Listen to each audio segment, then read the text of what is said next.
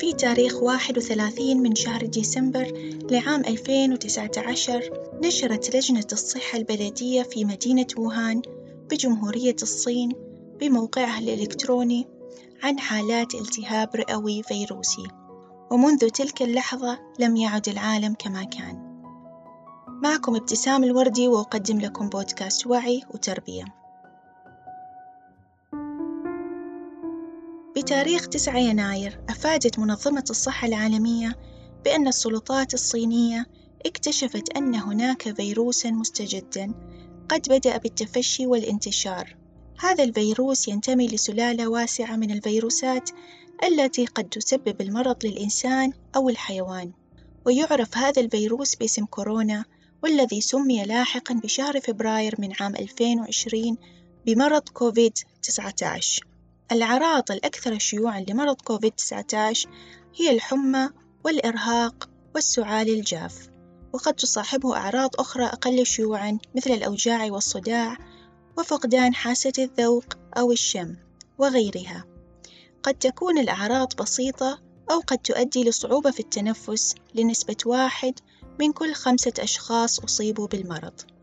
منذ شهر يناير وحتى نهايات شهر فبراير من عام 2020 لم يشكل لنا الفيروس كأفراد قلقًا كبيرًا. فكان خبرًا نقرأه أو نسمع عنه بدون أن نكون جزءًا منه، لكن تغير الوضع تمامًا في شهر مارس عندما تم وصف المرض بالجائحة بسبب انتشاره السريع، وعندما أصبحت أوروبا بؤرة المرض ومن ثم انتشر لباقي دول العالم. في نهايات شهر مارس تعطلت الحياة تمامًا في الكثير من الدول.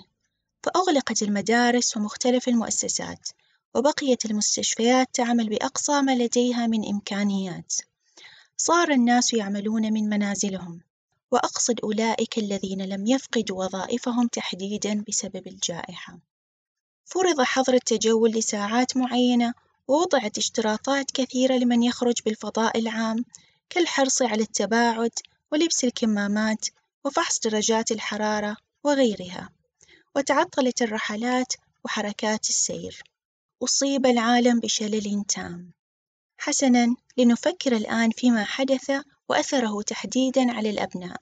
ونحن ما زلنا لهذه اللحظة في معمعة ما يحدث وما تزال تبعاتها مستمرة في تأثيرها علينا. سأتحدث الآن عن دراسة قامت على جمع نتائج لأبحاث مختلفة ومتعلقة بجائحة كورونا وأثرها على الصحة النفسية للأطفال واليافعين. تقول إحدى الدراسات بأن الأطفال من عمر ثلاثة إلى ست سنين أظهروا تعلقًا أكبر بعوائلهم والخوف من فقدهم بسبب الجائحة، بينما أظهر الأطفال الأكبر سنًا وتحديدًا من عمر ست إلى ثمانية عشر سنة أعراض قلة الانتباه والقلق من المرض. وأظهرت دراسة بأن الأطفال بكل الأعمار يشعرون بعدم اليقين والخوف والعزلة خلال هذه الظروف، والكثير يعاني من اضطرابات النوم والكوابيس وضعف الشهية والانفعالات. وقد تأثر ما يزيد عن واحد وتسعون في المئة من أطفال العالم بإغلاق المدارس وانتقال التدريس ليصبح عن بعد.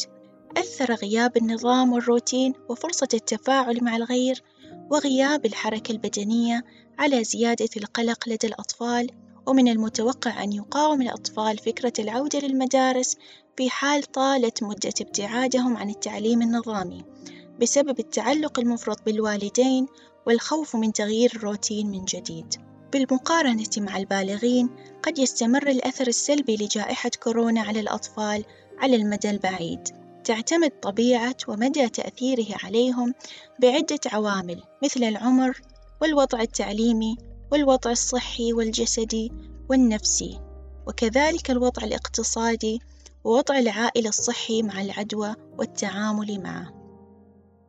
في دراسة أخرى يذكر أنه زاد استخدام الأبناء للإنترنت ومواقع التواصل الاجتماعي وذلك يعرضهم لمحتويات غير لائقة بشكل أكبر وإدمان الشاشات وربما التعرض للتنمر والإيذاء وفي المقابل وبسبب الإغلاق يصعب عليهم اللجوء للمساعدة في حال احتاجوا إليها. وبسبب مكوث الأطفال بالبيت ولزمن طويل فذلك يجعلهم أكثر عرضة للعنف والإيذاء والاستغلال ويصعب عليهم الحصول على المساعدة أو ملاحظة الغير لحاجتهم للمساعدة. فبالرغم من أنه من المفترض أن يكون البيت هو مصدر الأمان الأول للطفل فهو ليس كذلك للكثير من الأطفال ولا مفر لهم منه. تذكر دراسة أخرى أن الجائحة وما صاحبها من احترازات أثرت بشكل أكبر على الأطفال من ذوي الاحتياجات الخاصة والذين يحتاجون لمراجعات طبية ونفسية وغيرها فبسبب عدم الوضوح في الخطط وتغيير الروتين فمن المتوقع أن تتفاقم حالاتهم للأسوأ ويصعب على الكثير من المربين التعامل مع هذه الحالات بمفردهم دون الحصول على الدعم من المختصين. الإغلاق التام للمشاريع وتقليل الخروج والتنقل والعمل والقوانين التي صاحبت الجائحة أدت إلى تراجع عالمي في الاقتصاد وبالتالي ساهم في تفاقم مشكلة عدم المساواة الاجتماعية والتي أصبحت أسوأ بالوقت الحالي. ففي الدول النامية ومع الإغلاق المفروض يواجه ملايين الأطفال حرمانًا حادًا من التغذية ومن الأمان ولهذا تأثير سلبي طويل المدى. فمثلًا في الهند والتي تضم أكبر عدد من الأطفال في العالم أثر الوضع الحالي على أربعين مليون طفل من بينهم أطفال يعملون في الحقول وأطفال المهاجرين وأطفال الشوارع. وبسبب فرض الحركة لا يمكنهم الحصول على الغذاء والكثير منهم فقد المأوى. وعمل الأطفال الذي من المفترض أن يكون ممنوعًا لأن فيه تعد على طفولتهم واستغلال لهم زاد بعد التقليل من قوانين الإغلاق. لأن الملايين من الأهالي فقدوا وظائفهم وذلك يعرض الأطفال لسوء المعاملة والاستغلال والإهمال ولمشاكل الصحة النفسية المختلفة. وبالرغم من كل الجهود لاستمرار التعليم في الظروف الحالية وجعل التعليم عن بعد فإنه لا ينال جميع الأطفال فرص مساوية في ذلك. فيعاني ملايين الأطفال نقصًا في التعليم والتحفيز وإمكانية الوصول للمواد التعليمية وبالتالي تتوسع الفجوة بينهم وبين باقي الأطفال بشكل أكبر. مع تعرض الكثير من الأطفال للحجر بسبب الإصابة بالفيروس أو عزلهم عن الوالدين أو أحدهما أو فقدهم لقريب لهم بسبب المرض من المتوقع أن يؤثر ذلك على صحتهم النفسية. قد يصاب الطفل بالقلق أو الخوف أو الصدمة وهناك دراسة على أطفال في الصين عزلوا أو عزل والديهم بسبب إصابتهم بالفيروس ووجد أن ثلاثون بالمئة من هؤلاء الأطفال أصيبوا باضطراب ما بعد الصدمة وهو اضطراب مشابه لما قد يصاب به الأفراد في الحروب والكوارث المختلفة. لذا مثل ما نرى أن أثر الجائحة على الأطفال أكبر وقد يستمر أثره على المدى البعيد تعتمد طبيعة ومدى تأثير الجائحة على هذه الفئة العمرية على العديد من العوامل مثل العمر والوضع الاقتصادي والاجتماعي والتعليمي والصحي ويمكننا مساعدتهم على تجاوز هذه المرحلة بشكل أفضل. هذه بعض الأفكار التي يمكنك تطبيقها لمساعدة أبنائك والأطفال من حولك. كن هادئًا واستباقيًا بمعنى لا تبالغ في ردات فعلك فيما له علاقة بالجائحة وتحدث عنها بهدوء وبمعلومات بسيطة سهلة إن سألك أبناؤك وكن استباقيًا في البحث عن حلول لمعالجة مختلف المواقف التي قد تطرأ عليهم بسبب الخوف أو القلق أو غيرها. حافظ على روتين يشعرهم بأن الحياة طبيعية بقدر الإمكان. يشعر الأطفال بالأمان في بيئة بها نظام. نظم نومهم وأضف مختلف الأنشطة في يومهم بشكل روتيني. مثلاً رتب وقتًا للعب ووقتًا لاستخدام الأجهزة الإلكترونية ووقتًا للرياضة وغيرها من الأفكار التي تمنحهم حياة طبيعية وتسهل عليهم العودة للدراسة والحياة الاجتماعية بعد انقطاع.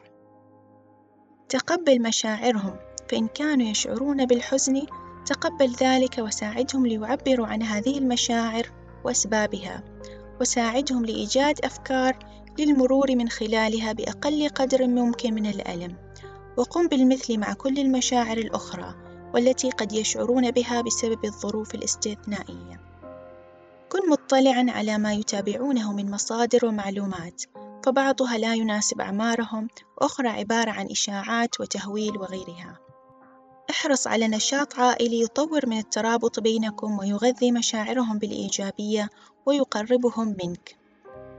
ركز على تصرفاتك وأحاديثك أمامهم، هل فيها تهويل وخوف وقلق؟ لأن الأبناء يستمدون منا مشاعر الأمان، ففي اللحظة التي لا نبدو فيها بأننا نشعر بالأمان أو نبدو فيها خائفين أو فاقدين للسيطرة فإن ذلك سينعكس عليهم. كون دائرة دعم صغيرة إن لم يكن بالإمكان الاختلاط مع الكثيرين بحيث يتمكن أبناؤك من اللعب مع غيرهم واللقاء معهم في حدود الأمان واحرص على استمرارية التواصل مع باقي أفراد العائلة والأصدقاء باستخدام وسائل التواصل المختلفة من تلفون وغيرها. ساعدهم في تطوير مهارة أو شغف كالرسم أو الرياضة أو تعلم لغة أو غيرها. هذه المرحلة هي فرصتنا وعلى نطاق أكبر لمراجعة المصادر التعليمية المتوفرة لأبنائنا وتطويرها لما يتناسب مع الزمن الحالي. وكذلك تطوير وسائل الدعم النفسي والصحي مع الأخذ بالاعتبار جميع فئات المجتمع بالذات تلك المحرومة اقتصاديًا. فما قبل جائحة كورونا لن يكون أبدًا كما بعدها. وعلينا أن نتعلم الدرس لمستقبل أفضل لأبنائنا والخروج منها بخطط تنموية تضع الإنسان أولًا.